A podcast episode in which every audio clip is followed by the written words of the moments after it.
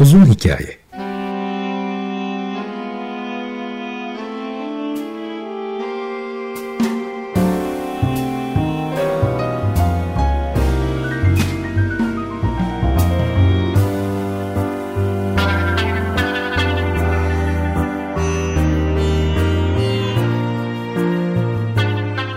Hazırlayan ve sunan Muzaffer Çorlu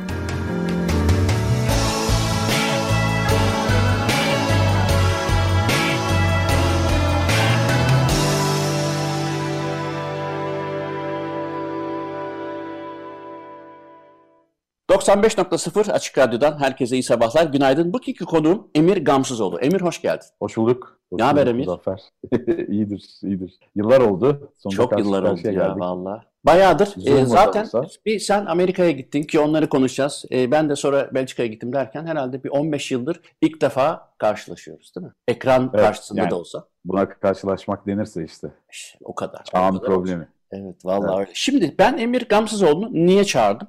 Tabii ki Emir Gamsızoğlu daha çok e, geveze piyanistliğiyle tanınıyor. Ha, kendisi piyanisttir aynı zamanda geveze midir? Evet ama e, geveze piyanistliği başka bir konsept. Özellikle e, sanıyorum Amerika'da başladığın bir şeydi bu. Yok Türkiye'de başladın ama Amerika'da da da e, Manhattan'da, New York'ta bunu sürdürdün. Vivaldi Cafe'de. Bunların ayrıntılarını konuşacağız. Ben yanlış bilgi verdiğim zaman onları sen zaten düzeltirsin diye düşünüyorum ama özellikle ilk konuşmak istediğim şey İstersen bunu önemsiyorum çünkü. Ee, senle bayağı bir konuştuk. Bu e, özellikle e, müzik dinleme e, mecralarında Spotify gibi şimdi bir sürü ünlü mecra oldu. Tidal gibi. E, buralarda tabii ciddi bir e, tekelleşme söz konusu. Her ne kadar sayıları 5'i 10'u geçse de gene de bir e, ciddi zorluk var ve sen e, bu işe soyundun. Bir Bah Cafe Dijital adı altında bir şeyler yapacaksın ve özellikle de e, bir takım tıpkı diğer paylaşım siteleri gibi bir amacın var. Dilersen eğer senin için bir mahsur yoksa bununla başlayalım.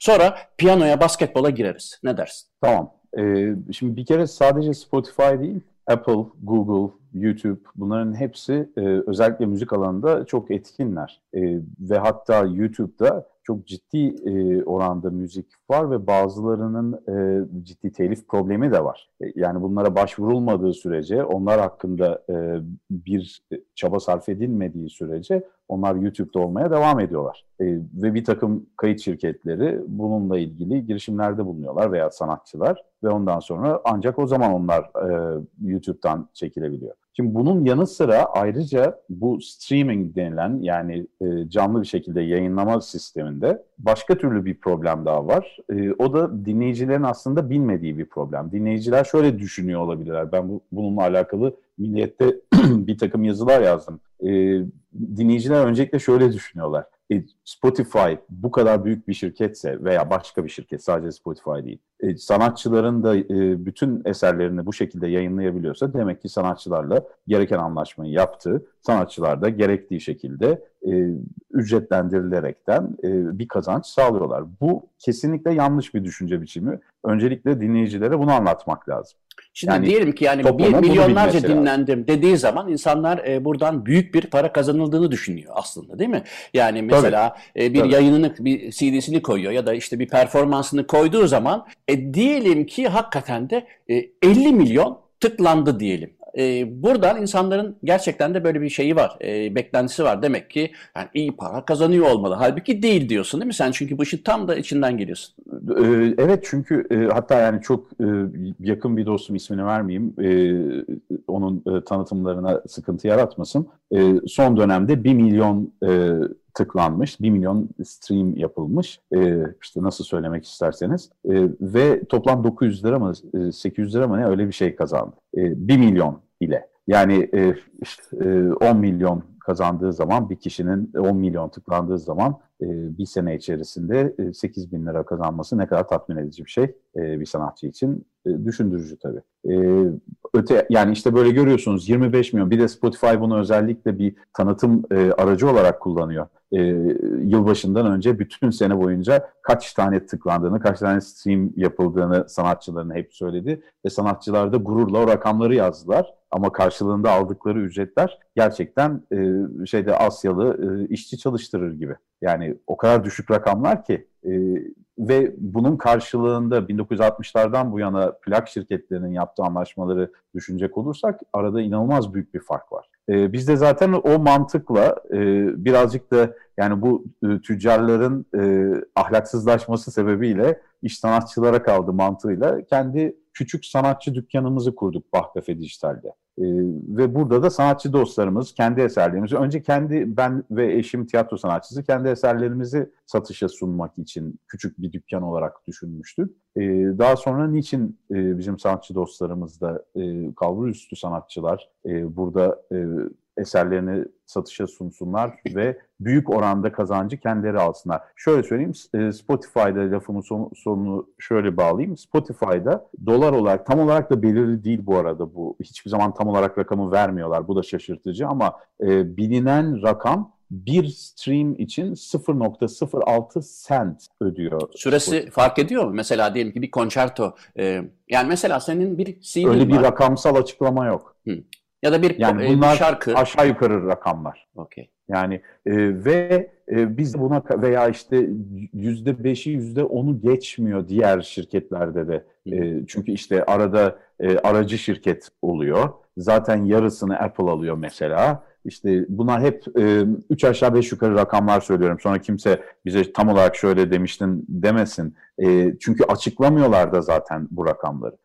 Biz de gayet açık bir şekilde diyoruz ki sanatçı dostlarımıza ne kazandıysanız vergileri falan çıktıktan sonra yüzde sekseni sizindir arkadaşlar. Siz çalıştınız bu işler için. Siz yaptınız kayıtları, bu güzel eserleri siz yarattınız. Yüzde seksenini siz alacaksınız. Ee, bu peki diğer masraflarını bir aplikasyon, yani bir uygulama ile çalışacak bir sistem mi yoksa? E, evet, evet bir uygulama ha. ile çalışıyor. Ama e, bu yeni sistem bir e, uygulama PWA denilen e, Progressive Web App denilen e, hem web sitesi gibi ama bir yandan da e, app gibi o yüzden de App Store'lardan alınmıyor. E, direkt .com'dan telefona ve tablete indiriliyor. E, bahkafe.com'dan Peki onun Bah Dijital, Bah Kafe Dijital'in e, kazancı nereden olacak? Yani o aplikasyonların ücretli olmasından mı yoksa reklamlardan mı? Yok reklam, re, sıfır reklam. Ee, diğer sanatçılar ne kazanıyorlarsa e, işte dediğim gibi Bahkafe'nin masraflarını karşılayacak bir yüzde yirmileri bize gelecek Bahkafe'ye ve onun dışında da sadece benim kendi eserlerimin satışlarından ben para kazanacağım. Bahkafe Dijital olarak eşim de e, tiyatro Hayır ama benim merak ettiğim şey diyelim ki ben Bahkafe Dijital'i indirdim ve oradan Hı-hı. da işte bir kayıt dinliyorum e, Bah Kafe Dijital'e çalmış ya da kaydını vermiş bir kişiyi dinliyorum. E, aplikasyona para vermiyorum. Reklama da maruz kalmıyorum. Eserleri e, satın alıyorsunuz. Ha dinlemek için. Tabii tabii eskisi gibi nasıl CD plak alıyorduk. Tamam tamam tamam. Dijital satın alınıyor. Satın yani. Tabii, yani tabii. Böyle şunu Eserleri alayım dinleyeyim yok. Yani şu Tabii. eseri dinlemek istiyorsan işte belirli bir para verilecek ve o paranın da yüzde sekseni o eserin yapımcısına ya da işte evet. yorumcusuna verilecek bir sistem. Tabii. Peki bu sistemin anlaşıldığı kadarıyla e, diğerlerinden farklı olarak e, bir defa tabii sanatçının daha fazla yüzde alacağı ortada. Yüzde seksenini alacak ki yüzde 0.06'dan e, oldukça farklı bir şey sunuyor. Fakat e, tabii bunun için çok ciddi bir tanınmışlık, e, yayılmışlık, yaygınlık gerekiyor değil mi? Yani Bahkafe Dijital'i on binlerce kişi e, indirmeli ki e, ve eser satın almalı ki bu da biraz önce bahsettiğin şikayete maruz kalmasın. Yani dişe dokunur bir e, paraya dönüşsün öyle değil mi? Bunun için ne yapmayı ee, düşünüyorsun? Bunun için öncelikle şu soruyu soruyorum. Niye diyorum niçin çok çok fazla kazanması gerekiyor? Niçin dünya çapında olması gerekiyor? Bütün dünyaya yayın yapabiliyor internet vasıtasıyla. Ee, bunun için de çok enteresan bir örnek vereceğim şimdi Muzaffer. Ee, geçenlerde çok yakın bir arkadaşım yine ismi saklı kalsın. Türkiye'nin en büyük e, şirketlerinden bir tanesinin e, ailenin e, fertlerinden bir tanesi. Bu şirketin toplantıları sırasında daha fazla kazanç sağlamamız gerekiyor gibi bir e, takım laflar dolaşırken neden demiş. Ve e, yani bu 90 yıllık bir şirket. Türkiye'nin en köklü kurumlarından bir tanesi ve en önemli e, ihtiyaçları tedarik eden kurumlarından bir tanesi. Ve e, bu ailenin torunlarından birisi benim de çok eski ilkokuldan arkadaşım, çok sevdiğim bir arkadaşım. E, demiş ki neden? Yani neden daha fazla nedir bu açgözlülük? Hı hı. Yani bizim neden daha çok büyümemiz gerekiyor? Bu da zaten e, birazdan o e, konulara gireceğiz dedin e, New York konusuna ama benim de e, bu yeni dünya denilen e, New York'taki maceramı sonlandırmamın sebeplerinden bir tanesi bu büyüklük kompleksi. Şimdi e, şunun için yanlış anlaşılmasın o söylediğim. E, sonuçta herhangi bir, şimdi dedin ki kalbur üstü sanatçılar e, burada e, olacaklar ki, şimdi benim bir eseri satın almam için, benim derken kendimden bahsetmiyorum, herhangi bir dinleyicinin e, o eseri seçmek için e, sebepleri olması lazım. O da o eserin unique olması ya da yorumun önemli olması gerekiyor. Aksi takdirde ben onu işte X'ten değil Y'den YouTube'dan bulurum. Dolayısıyla ben niçin Kafe Dijital'den e, o eseri satın alayım? Diğer insanların sayısının çok olması ya da çok olma olasılığı seni korkutmuyor mu? Hayır, e, bunun e, benzeri bir e, soru, bana direkt e, serbest çağrışımla aklıma ge- gelen soru şu. Yıllar önce e, yarışmalara gitmek istiyordum, piyano yarışmalarına. E, bütün herkes çok çocuk yaşta başladı. Biliyorsun ben 20 yaşında piyano çalmaya başladım. O geleceğiz oraya. Herkes çocuk, herkes çocuk yaşta başladı. E, yani onlar bütün çocukluklarını, e, yani çok küçük çocuklar e, olacak ve çok iyi olacaklar orada demişti e, birisi. Ben de demiştim ki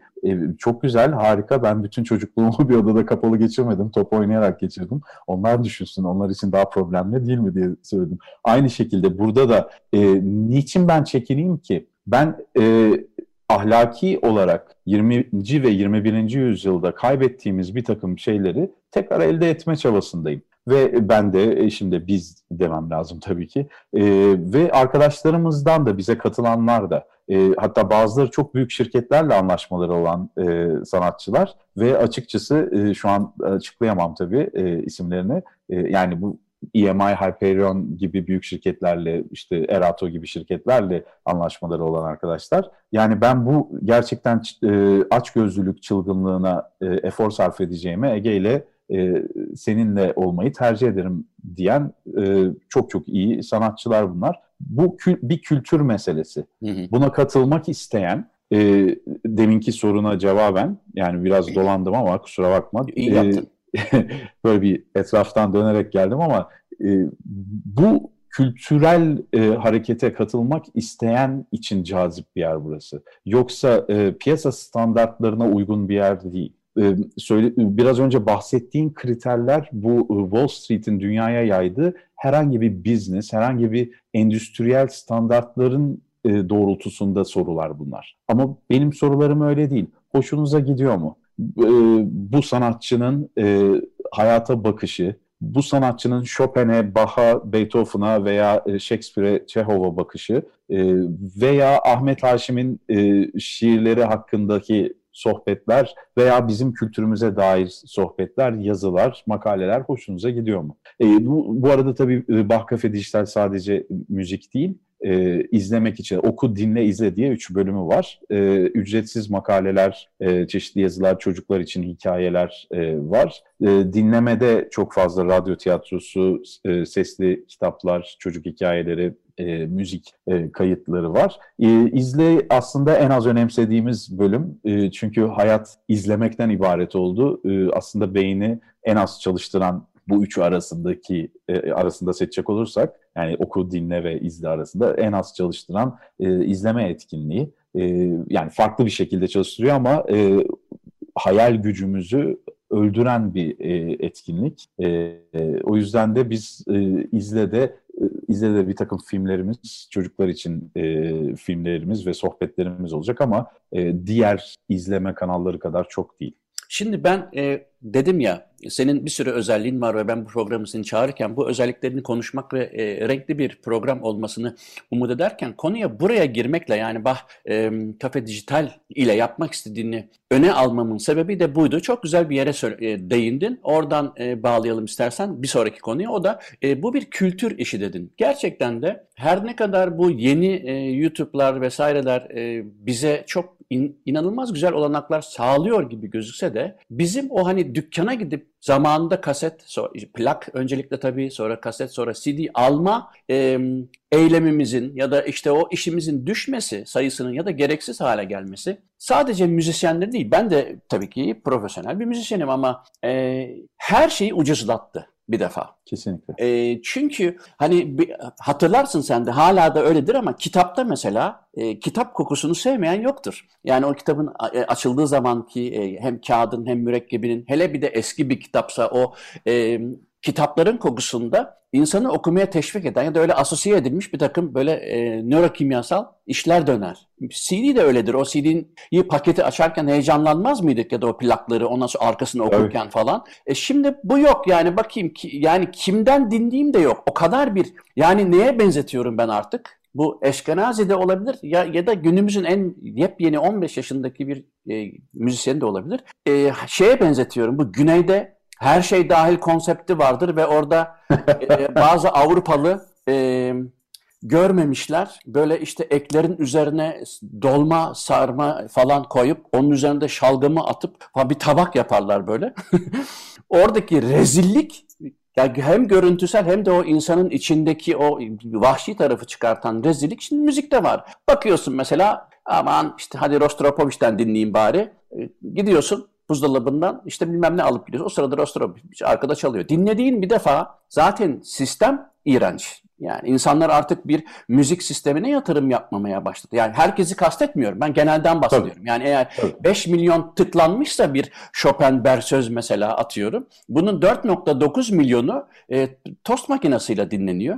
O evet. renkler dinlenmiyor. Aşkanaze çalsa ne olur? Ben çalsam ne olur yani? O piyanoda üstelik. Dolayısıyla e, bu kültür dediğin şey diğerlerinden farklı olarak Bach Cafe Dijital'de tahmin ediyorum. Oradaki belki satın alma detayı ya da işte sanatçıyı seçme detayı belki tekrar senin o e, eskideki gibi biraz daha pozitif olan bir yere getirir. Değil mi? Öyle bir umudun var. Tabii yani kültürel olarak zaten bir, bir de şunu da konuşmak lazım. Satın alma e, olayı, bu ayrıntıyı e, fark etmiş olman harika. Demek ki fark ediliyor. Biz bunun fark edilmesini istiyoruz. Satın alma detayı çok önemli. E, sahiplenme meselesi de, kültürü de sahiplenme satın bir yerde. Al, özür dilerim. Satın alma detayı çok önemli fakat kastımı çok iyi belirteyim. E, orada ona verilen para yani oradaki e, kapitalist m, halkı derdi değil, alışveriş değil. Yani emeğinin çünkü sen o parayı insanların çoğundan bahsediyorum. Tabii. O parayı bir emeğinin karşılığı olarak aldığın için aslında sen o eseri de o emeğinin bir kısmını ona adayarak dinlemenin keyfini yani emeğin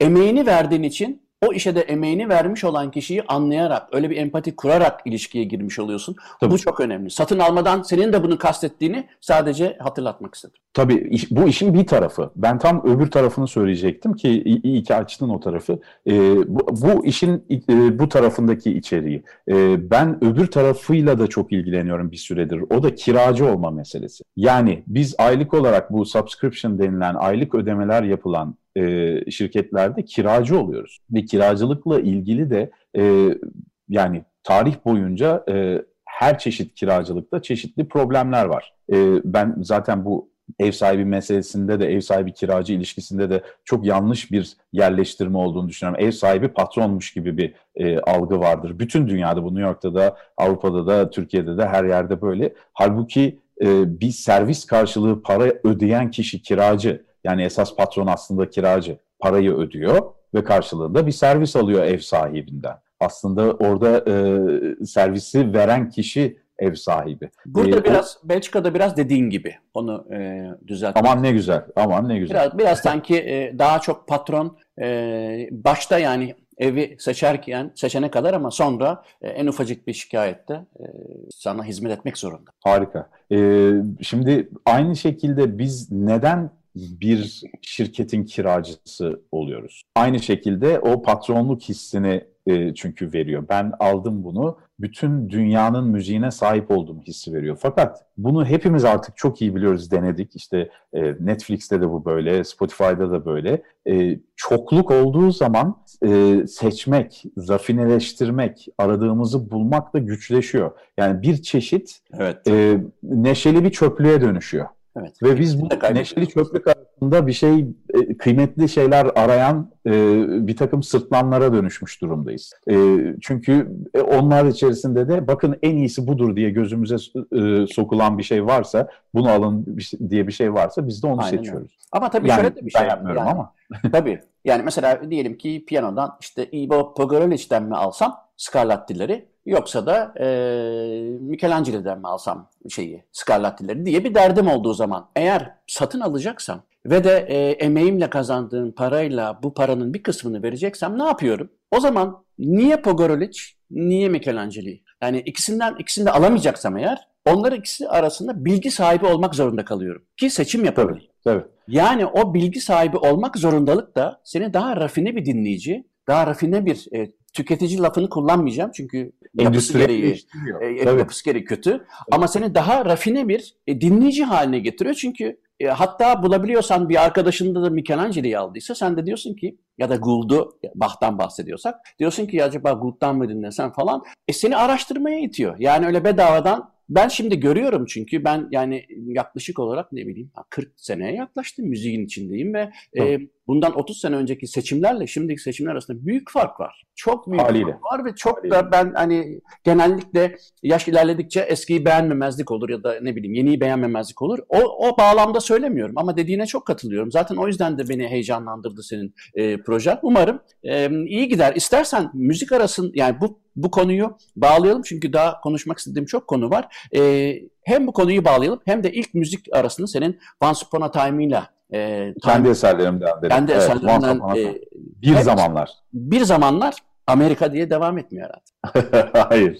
Aslında bizim e, bu programa da çok uydu. E, bizim bir araya gelmemiz çünkü bir zamanlar gerçekten Once Upon a Time. E, tabii. Yani 2003'te Andante kurulmuştu. Biz o zaman bir araya geldik. E, bayağı bir yıllar geçti. Tabii canım. Daha önce diye hatırlıyorum. Peki sen o zaman o bu, bu besten var mıydı? Evet, evet vardı. Okey. Senin o zaman tabii biz beraber aynı dergide yazıyor olmak. Hatta beraber radyo programında da bulunduğumuzu hatırlıyorum. O zamanlar çünkü sen radyo programı... Tabii tabii. tabii, Ama tabii. e, bu eserini e, dinleyeceğiz şimdi. Var mı özel söylemek istediğin bir e, ayrıntı, detay yoksa? E, eserle ilgili e, bu ilk yani daha piyano öğrencisiyken e, başladığım e, ilk eserlerimden o yüzden de e, çok fazla e, bir Brahms hikayesi vardır. E, genç bir besteci konserine davet etmiş Brahms'ı. Demiş ki e, lütfen çok istiyorum gelip eserimi dinlemenizi, ne düşüneceğinizi. E, eser çalınırken Brahms e, konserde e, zırt pırt ayağa kalkıp e, selam veriyormuş, oturuyormuş. Tekrar ayağa kalkıp selam verip oturuyormuş. Konser sonunda e, sormuş besteci benim çok dikkatimi çekti. Çok da biraz da dağıttı ama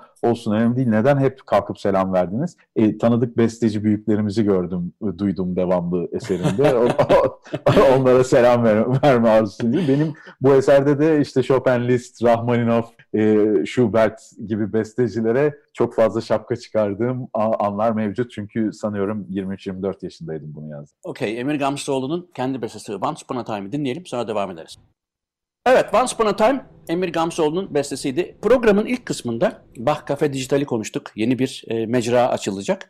E, fakat tabii Emir'i sadece bu yüzden davet etmedim. Şimdi bu değerli dostumun güzel özellikleri var. Bunlardan bir tanesi tabii piyanoya 20 yaşında başlamak e, yani olacak iş değil değil mi genelde? Sen 20 yaşında Yani başladın. olabilir. sonra- Yo, yo, hani Sonrası olabilir de- enteresan. yani evet zaten e, e, profilin de şey değil mi? Eski basketbolcu, yeni piyanist. Fakat e, bu konuyu e, bağlarken lütfen konuyu şuraya getireceğimi bilerek bağlamanı rica edeceğim. O da şu. Şimdi eski Yunan'dan günümüze e, özellikle Orta Çağ'da e, eklektik bir e, eğitim ve e, kognitif bir yaklaşım vardı nesnelere ya da işte herhangi bir şeye. Yani bir matematikçi asla aynı zamanda felsefeci değilse, e, bir fizikçi asla aynı zamanda e, astronom değilse ya da bir işte kimyager aynı zamanda e, felsefeci değilse e, pek de makbul bir şey değildi. Zaten böyle bir şeyin de imkanı yoktu. Fakat spesifikleşme bizi öyle bir yere getirdi ki artık neredeyse kulak, kulak burun boğaz, boğazcı kalbin nerede olduğunu bilemez hale geldi ya da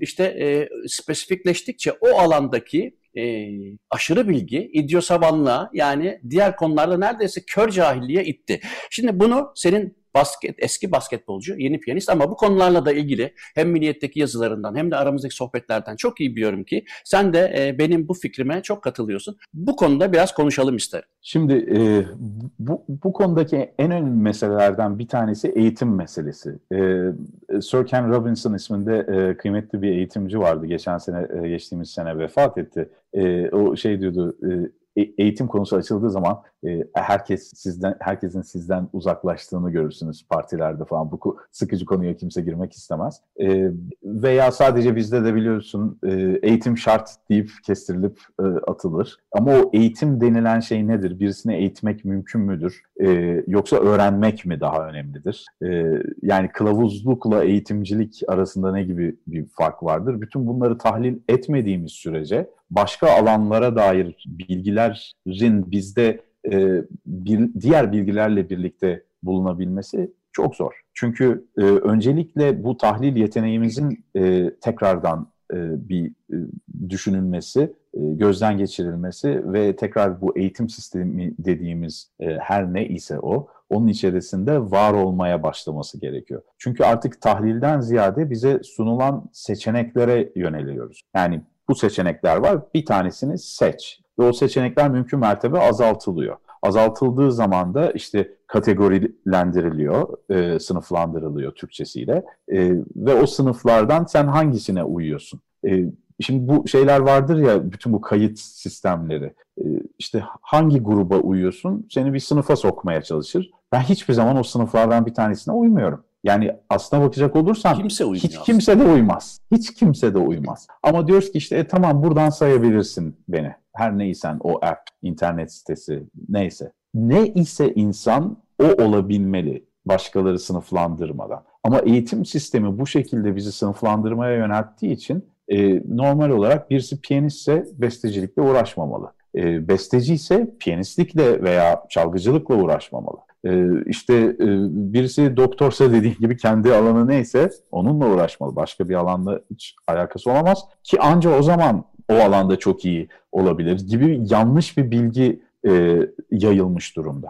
Bu ihtisaslaşma e, kisvesi altındaki bu yanlış bilgi aslında dünya toplumlarının çöküşüne sebep olan şey. Biz o yüzden durmadan her şeyin kolay bir şekilde elde edilebildiği bir dünya arıyoruz. Bunun da tabii müsebbibi Amerikan kültürü. Yani bunun hani e, kaçacak hiçbir tarafı yok. Bunu direkt bir şekilde söylememiz gerekiyor. Yani 1928'lerden, 29'lardan itibaren başlayan e, Edward Bernays'in taktikleriyle e, gelişmiş Amerikan kültürü her şeyin daha kolay, daha süratli bir versiyonu versiyonunu insanlara sunduğunu iddia etti ve insanlar da bunların çok büyük kolaylıklar olduğunu düşündü ve giderek yaşam kaliteleri, insani olarak düşünme yeteneklerinin kaliteleri düşmeye başladı. Ee, ve özellikle e, İkinci Dünya Savaşı sonrasında e, Amerika'nın Fransa ile yaptığı anlaşma Avrupa'yı da çökertmesine bir nebze olsun sebep oldu. E, o da şuydu, e, İkinci Dünya Savaşı öncesinde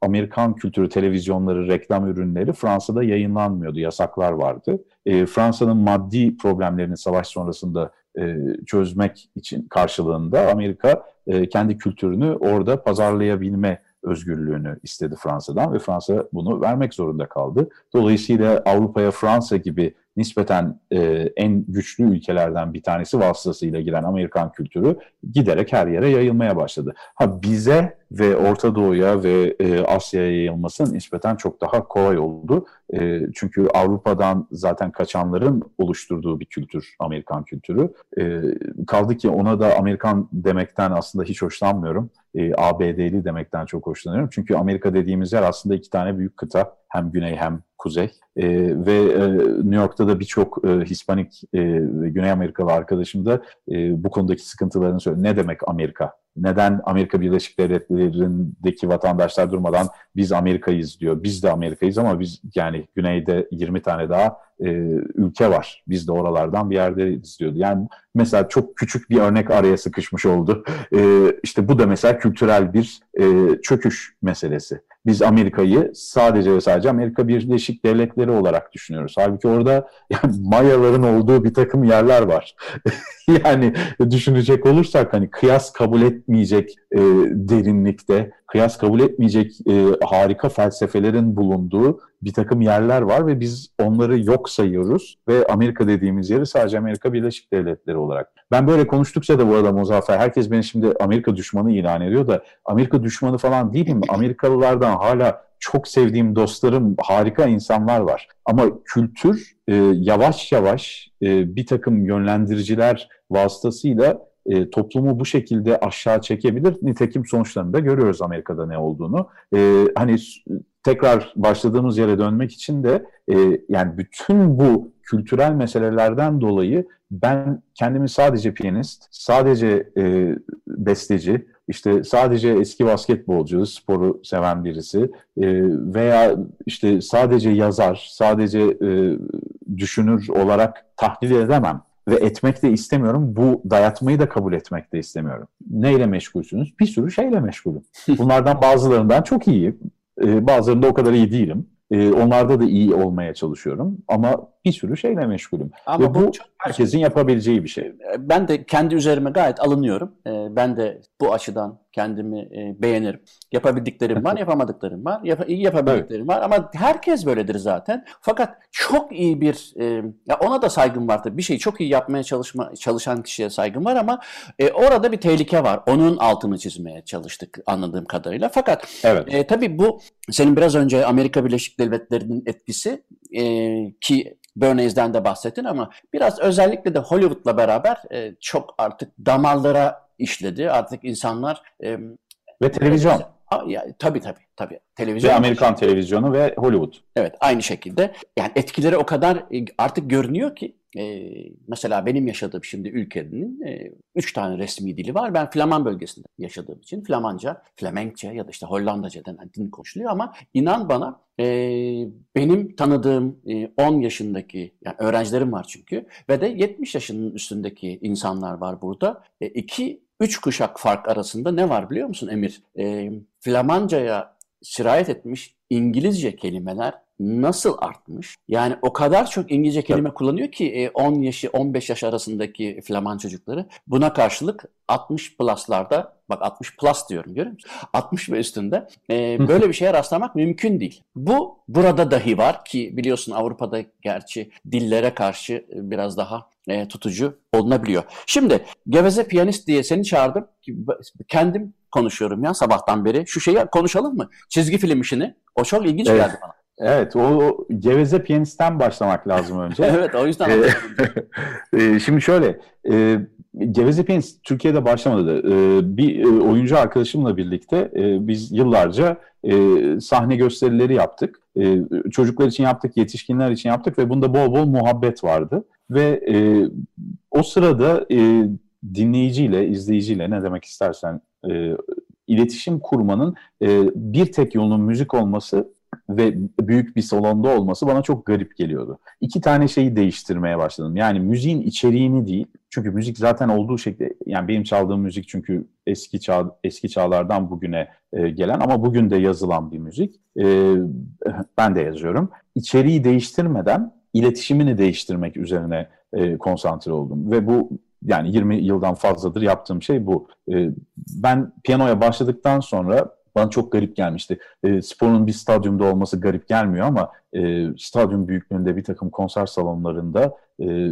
yüzlerce insanla birlikte e, omuz omuza bir konser dinlemek e, ki senle de yıllar önce konuşmuştuk. Örneğin gitar dinlemek mümkün değil. Yani eğer bir şey sistemi yoksa, e, gitarın sesini yükselten bir sistem yoksa 2000 kişilik bir salonda en arkadakinin gitarı duyma ihtimali çok az. Yani hele ki piyanissimo yapıyorsa gitarcı. Çok az değil, e, yok. Yok. Tabii. E, e, şimdi mesela ben e, o dönemlerde hep e, belki hatırlarsın e, gitarın sesinin e, orijinal sesinin düşük olması sebebiyle çeşitli şakalar yapıyordum.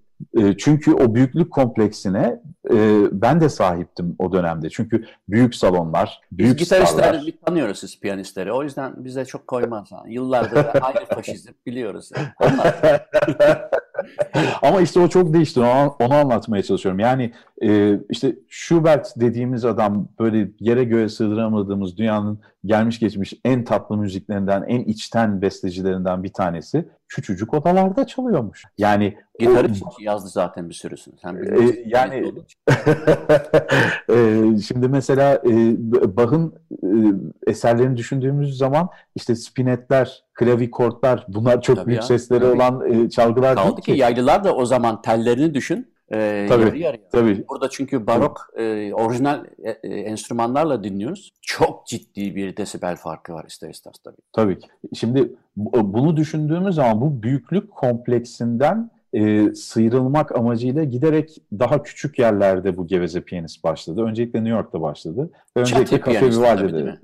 Cherry Pianist diye başladı evet. E, ve e, New York'un efsanevi bir e, kafesinde başladı. E, ne yazık ki Cafe Vivaldi e, kapandı, kapanmak zorunda kaldı. Çünkü işte bu endüstriyel e, büyüklük kompleksi, açgözlülük, işte greed denir ya İngilizce'de. E, onun sonucunda Amerika'nın, daha doğrusu New York'un en azılı ev sahiplerinden bir tanesi Cafe Vivaldi'nin ev sahibiydi. Ve yıllarca e, Cafe Vivaldi'nin e, Pakistanlı Amerikalı sahibi İşrat Ansari ile çatışmaları e, sonunda İşrat'ın e, bir e, beyin felci geçirmesine sebep oldu. E, o sinir stresle e, ve Cafe Vivaldi nasıl bir yerdi? İşte Woody Allen'ın, Al Pacino'nun, işte e, Ethan Hawke gibi oyuncuların, Nobel ödüllü yazarların, e, müzisyenlerin takıldığı enteresan bir kafeydi. Woody Allen birkaç filminde sahneler çekti.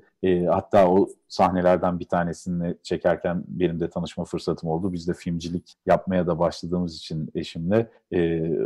hatta Süper bu arada Woody Allen'la da doğum günlerimiz aynı. Çalıyor mu hala klarinet o? Tabii e, Carlyle, o, o, Otel Carlyle diye bir otel e, restoranı var. Orada çalıyor. Yani şu an çalamıyor tabii Covid sebebiyle ama e, geçen seneye kadar hala çalıyordu. Bu arada hiç de fena çalmıyor. Gayet iyi bir klarnetçi. Tabii tabii. Ee, ve hatta o gün çekimler bittikten sonra eşiyle duruyordu. Ee, ya burada da akustik güzelmiş aslında dedi Kafe Vivaldi'de. Ee, duymak ister misiniz dedim. Aa evet çalmak ister misin dedi. Ben de ona bir Tchaikovsky e, Nocturne çalmıştım. Ondan sonra da bilmiyormuş ne olduğunu. E, daha önce duymamış. E, öyle sonra da doğum günlerimiz üzerine sohbet ettik. E, ben senden biraz önce doğdum dedi. E, aynı gün 1 Aralık doğumluyuz. E, ama e, lafa dön, şey e, tekrar dönecek olursa Cafe Vivaldi'de başladı bu ve e, İşrat e, çok vizyonu olan enteresan bir adamdı. İşte Al Pacino bir gün e, kitapçısı varmış İşrat'ın. De, demiş ki e, ya İşrat bütün gün burada takılıyoruz zaten sen Mozart çalıyorsun şeyden e, kayıtlardan. E, biz zaten bütün gün buradayız. Şuraya bir iki masa koysan da biz de oturup bir çay kahve falan içsek, bir iki bir şey yesek falan. İşrat da hemen e, bu e, Bob Dylan'ın meşhur bir kapağı vardır, e, kayıt e, albüm kapağı vardır. Onun olduğu cadde Jones Caddesi'nde bir dükkan buluyor, Cafe Vivaldi'yi kuruyor. Listening Room, dinleme odası adıyla e, orada dinleyiciler, e, müşteriler ne demek isterseniz işte artık e, gelip müzik dinliyorlar. Yani insanlar gelip bir şeyler yiyip içiyorlar ve sadece müzik dinliyorlar. E, daha sonra da canlı müzik olmaya başlıyor. E, çeşitli klasik müzikçiler de yıllar içerisinde gelip geçmiş ama son 5 yılındaki bütün klasik müzik organizasyonlarını e, ben ve Ege yaptık. E, ve e, ben yaklaşık 3,5 sene kadar e, her pazar orada bir Charlie Pianist konseri verdim. E, çeşitli içerikler. Charlie Pianist de şu, biz hep bu bestecileri, çalanları, hikayelerini, eserleri konuşmaktan çok hoşlanıyoruz. E, çünkü bizim müzikle olan ilişkimize de farklı bir e, seviye katıyor. Farklı bir e, katman ekliyor. E, o yüzden de ben bütün bunlardan sohbet edebilmeyi seviyorum. Ama böyle konuşursak işte müzik çok fazla çalamıyoruz. E, bunun için ne yapayım ne edeyim ekrandan konuşmaya başladım. Bu ne demek? Sesli olarak değil yazılı olarak. E, işte 10 yıldır çok basit bir şey yapıyorum aslında. E, bu şey daktilo efektiyle yazıları yazıyorum. Orada da e, blok halde duran bir yazı yerine daktilo halinde gelmesi yazının e, birisinin sizle konuşuyor hissi ne veriyor. Onu da e, ben çalmaya başladığımda ve ekranda bir şeyler söylemeye başladığımda görseller eşliğinde insanlar direkt sanki ben onlarla çalarken çaldığım şey hakkında bir şeyler anlatıyormuşum hissine kapılıyorlar. E, zaman zaman zaten orada ne olduğunu da unutuyorum ekranda. E, çalarken çaldığım şeye konsantre olduğum için başka birisi e, daha önceden hazırlandığı için idare ediyor. Ve zaman zaman insanlar ekrandan söylediğim şeyleri gülüyorlar, reaksiyon gösteriyorlar. Aa falan diyorlar. Ben de ne oluyorum diye bazen sinirlendiğim de oluyor. Sonra ha orada komik bir şey söylemiştim diye hatırlıyorum çalarken. Böyle enteresan e, içerikleri olan e, ve sadece ve sadece müzikle alakalı değil, müziğin başka sosyal meselelerle de ilişkilendirdiğim bir içerik var. Nasıl yani?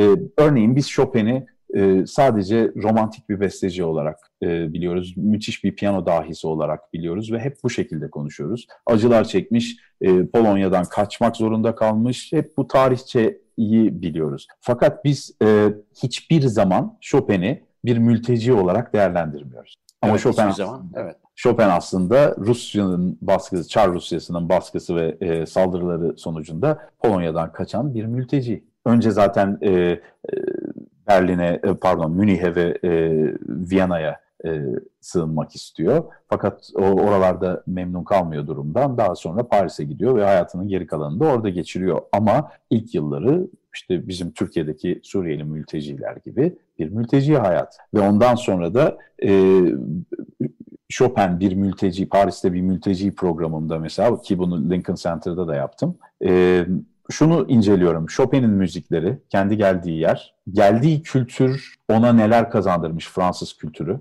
onun müziğine ne gibi etkilerde bulunmuş, o geldiği kültüre ne gibi etkilerde bulunmuş, o kültürdeki bestecileri e, sonraki jenerasyonlardaki bestecileri nasıl etkilemiş? İşte Saint-Saëns'ı, Fauré'yi, Ravel'i nasıl etkilemiş? Hatta ve hatta Ravel Gershwin'i nasıl etkilemiş? Yani bu e, ke- kelebek etkisi denir değil mi?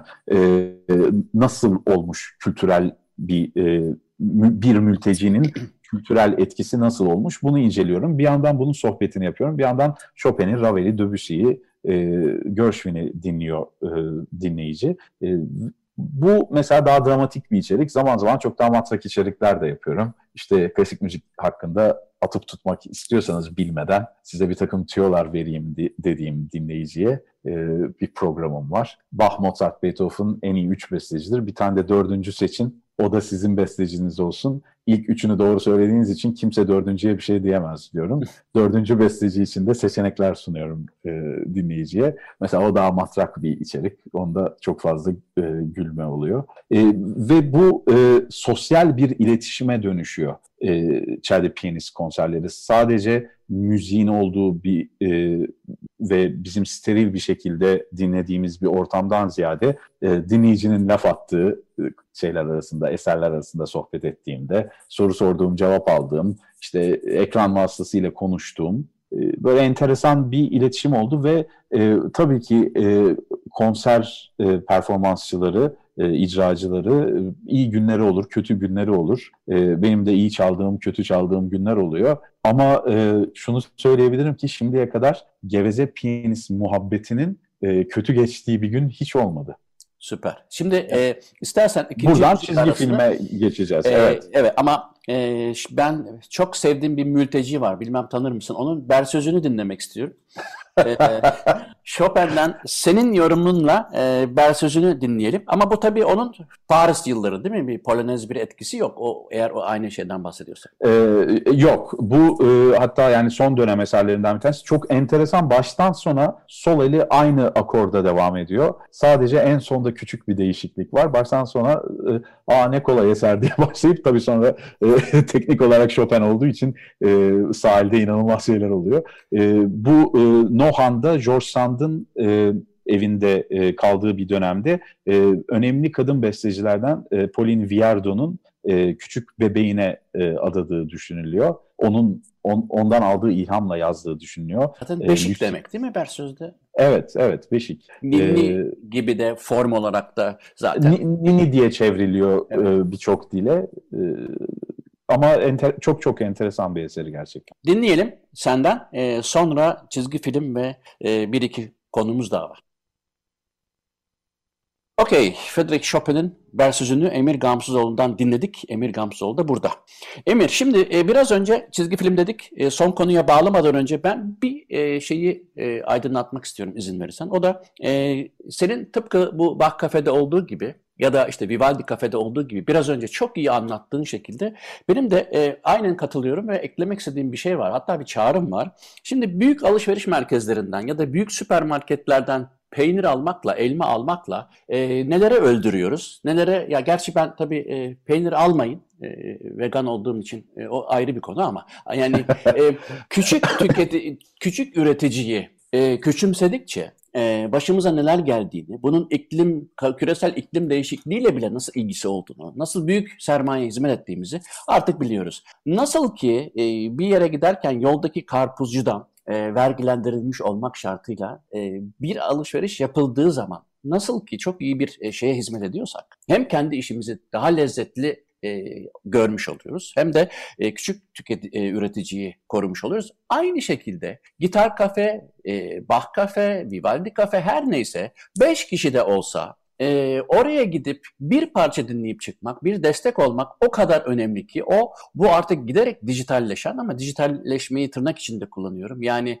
e, Endüstrileşen aslında. Endüstrileşen evet böyle daha bir böyle prostitüsyonu hatırlatan bir şekilde tüketime yönlendiren insanları e, ondan uzaklaştırmayı buradan salık veriyorum bir müzisyen olarak da aynı zamanda. Çünkü bunun çok sebebi var siz de illaki biliyorsunuzdur fakat bunun ne kadar önemli bir şey olduğunu ben en son sanıyorum geçen sene Göteborg'a gittiğimde Göteborg'da biliyorsun bilmiyorum hiç gittin mi çok fazla Hayır. güzel e, kafe barlar vardır ve çok canlı müzik vardır. Benim de çok yakın arkadaşlarım orada oturduğu için sık da gidiyor. Daha önceden de gitmişliğim vardı. Ve orada mesela caz, ben çok severim e, barda caz, canlı caz dinlemeyi. E, klasiği de öyle. Fark etmez janr ne olursa olsun, güzel müzik olsun da. Ve orada e, müzisyenlerin arkasında e, aplikasyon var. E, şimdi ismini bilmiyorum ama çok basit bir şey. E, onlara bir şey yapıyorsun mesela işte 10 euro ya da işte o e, İsveç kronu. Yani e, o içtiğin e, gazozun biranın fiyatı neyse bir tane de onları ısmarlar gibi. E, onlar için e, o onları geçindirmiyorsun aslında. Yani ama bu bu bir şey oluyor. E, şehrin kültürü oluyor. Ben sokak müzisyenlerini de o yüzden çok seviyorum. O sokaktan böyle mal gibi yürümek var. Bir de e, yani 200 metre yürürsün e, işte bir yerden bir bağlama sesi gelir. 400 metre daha yürürsün oradan işte iki kişi biri flüt gitar yapar falan. Bu o taş basa hmm, ayağını bastığın taşın anlamını değiştiriyor. Yani böyle kuru ölüp gideceğiz ne yapacağız ya bu dünyadan gibi düşünmek yerine e, biraz daha e, hoş bir seda bırakıyorlar ve sokak müzisyenlerine e, ya da her türlü küçük yerlerde çalan müzisyenlere destek olmamız lazım deyip sana sözü tekrar veriyorum. Çünkü sen verdin bana bu gazı. Senden aldığım Şimdi çizgi filmle istersen çizgi film meselesini hemen kısa bağla çünkü süremiz çok azaldı.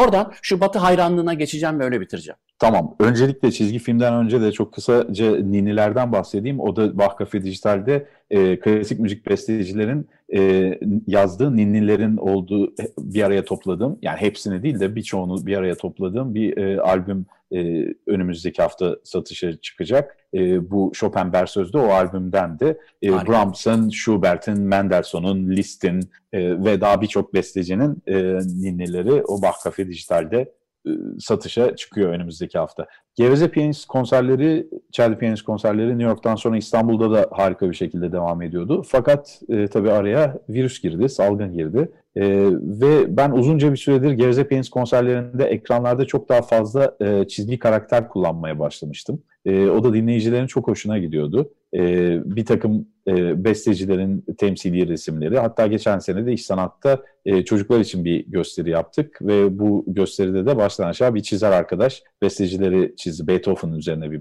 e, gösteriydi. Beethoven ve Shakespeare üzerine. İlk yarısında Geveze Piyanist, ikinci yarısında Shakespeare'in Fırtına oyununu e, sahneye koydu Ege'nin e, Spolinist oyuncuları ve Ceyda Düvenci. E, çocuklar için Ege'nin çocuklar için uyarladığı bir versiyonunu. E, çünkü Beethoven'ın Fırtına sonatıyla e, Shakespeare'in Fırtına e, isimli oyunu arasında bir ilişki olduğunu düşünüyor müzikologlar. E, ve biz e, bunu yaptıktan sonra da bir çizgi filmle e, eğitim filmleri hazırlamayı düşündük Geveze Piyanist için. E, ve bu sırada da salgın başladı. Bu arada da zaten biz e, salgından hemen bir hafta öncesinde e, çizer Nalan Alaca ile bir araya gelmiştik e, bu konuyu konuşmak için. Ve salgın süresince de biz bu çizgi filmi geliştirmeye başladık e, ve çalışmaları da başladı. Şimdi destekçilerimiz de artıyor. Daha çok destekçiler de arıyoruz. E, zaten e, bir tane e, uzun metraj sinema filmi e, Gevze Piyanist'in, Ege'nin ve Bach Kafe'nin e, içinde bulunduğu çocuklara dinlemenin, birbirini dinlemenin e, üzerine e, bir takım konular e, anlattığı ve besteciler hakkında e, ayrıntılar anlattığı e, ve bir hikayenin olduğu bir sinema filmi ve e, 12 tane de eğitim filmi e, hazırlıyoruz. Bu uzun sürecek bir çalışma, 2-3 sene sürecek. Önümüzdeki kış e, okullar açıldıktan sonra inşallah e, filmler e, yavaş yavaş e, izleyicine sunulacak. E, bu geçtiğimiz dönemde e, bu çalışmaların başladığı basında yer aldı ama e, çok meşakkatli bir çalışma çizgi film. Zaten kare kare her şey. Ürün olduğu zaman tekrar bir konuşuruz konuşuruz. Çok iyi bir proje. Şimdi birkaç dakikamız kaldı ama bir, e, sen şimdi yıllarca New York'ta yaşadın. E, gidişini hatırlıyorum. Sonra sen oradayken hatta bir kere vapurda karşılaştık hatırlar mısın? Evet. Orada evet. birkaç laf ettik. Sonra seninle telefonda konuştuk falan filan ama senin böyle bir dokun bin ah işit tarafın var. Ve onu zaten yazılarında da ben hissettim. Milliyetteki yazılarını okudukça. Evet yani bir e, seni olgunlaştırmış diyeyim ben o, öyle bakıyorum. E, bu arada tabii Edward Bernays'i e, sürekli örnek verişinin sebebini de daha iyi anlamaya başladım. Ama istersen son konu olarak birkaç dakika e, orada yaşayan biri, yaşamış birisi olarak şu Batı hayranlığına bir değinelim öyle bitirelim. Çünkü bunu açmak istedim. Ee, şimdi tabii senden farklı olarak e, sen çünkü Türkiye'de büyümediğin için e, Türkiye'de büyürken bizim çoğumuzda, toplumun çoğunda ben kendimi de dahil ediyorum. Ciddi bir batı hayranlığıyla büyüyoruz. Bir yandan e, dalgamızı da geçiyoruz, küfür de ediyoruz ama bir yandan da e, o hayranlık hep mevcut. Hatta işte e, kayınpederimin verdiği bir örnek var. E, işte bankada e, bek, maaş beklerken sıra bana nasıl olsa gelmez diye bir ruh hali vardır. E, öğrenilmiş çaresizlik. E, evet, bank, öğrenilmiş çaresizlik.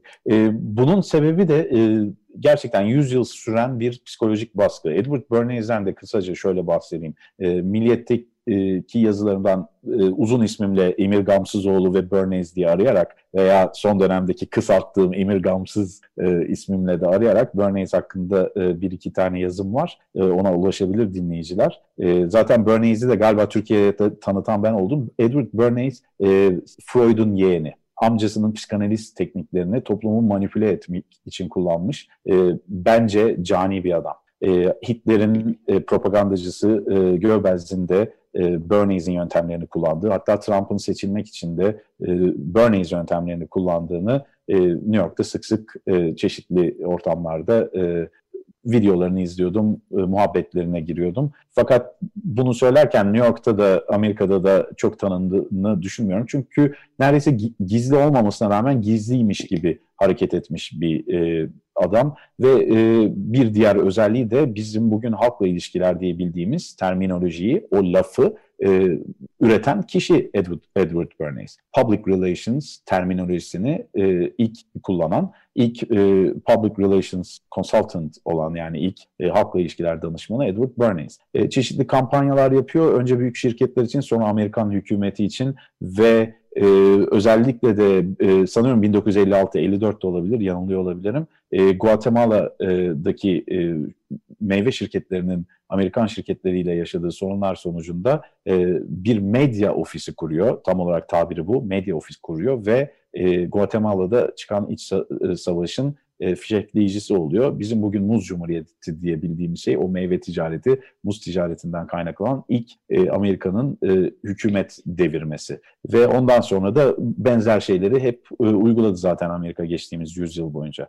Sen demin e, biraz önce e, bir takım e, sonuçlarını e, ve bunlara karşı ne gibi şeyler yapabileceğimize dair bir şeyler söyledin. Bu e, büyük manipülasyona karşı. E, ama bunun envai alanda, envai çeşit alanda e, yapabileceğimiz birçok e, eylem var ve bunların çok azı sokağa çıkıp protesto yapmak. Hayatın içerisindeki birçok eylem bizim yaşam biçimimizi çok değiştiriyor. Aynen e, müziğin içerisinde de olduğu gibi. Yani müzikte de o kişinin, biz bu yüzden kişilerle ilgileniyoruz, onların hayatlarıyla ilgileniyoruz. Müziğe nasıl baktığı, nasıl bir kültürden geldiği, nasıl bir müzisyen olduğunu ve nasıl sesler elde ettiğini nasıl belirliyorsa, siyasetçilerin de, ekonomistlerin de, e, sporcuların da hangi kültürden geldiği sonuçlarını çok etkiliyor.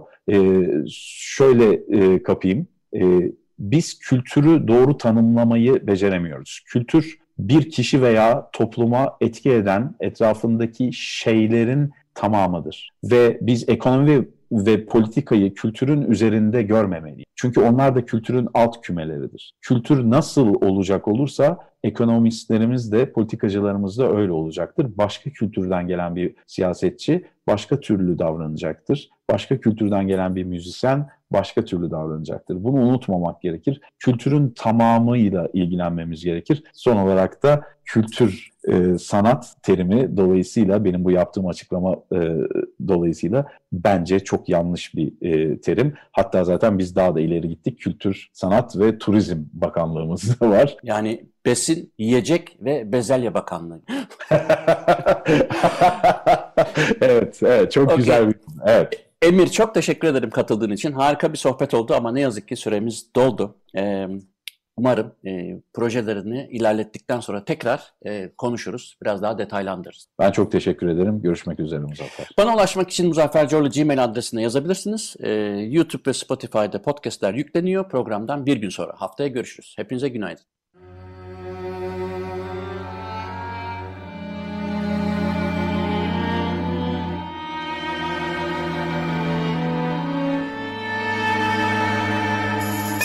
Uzun Hikaye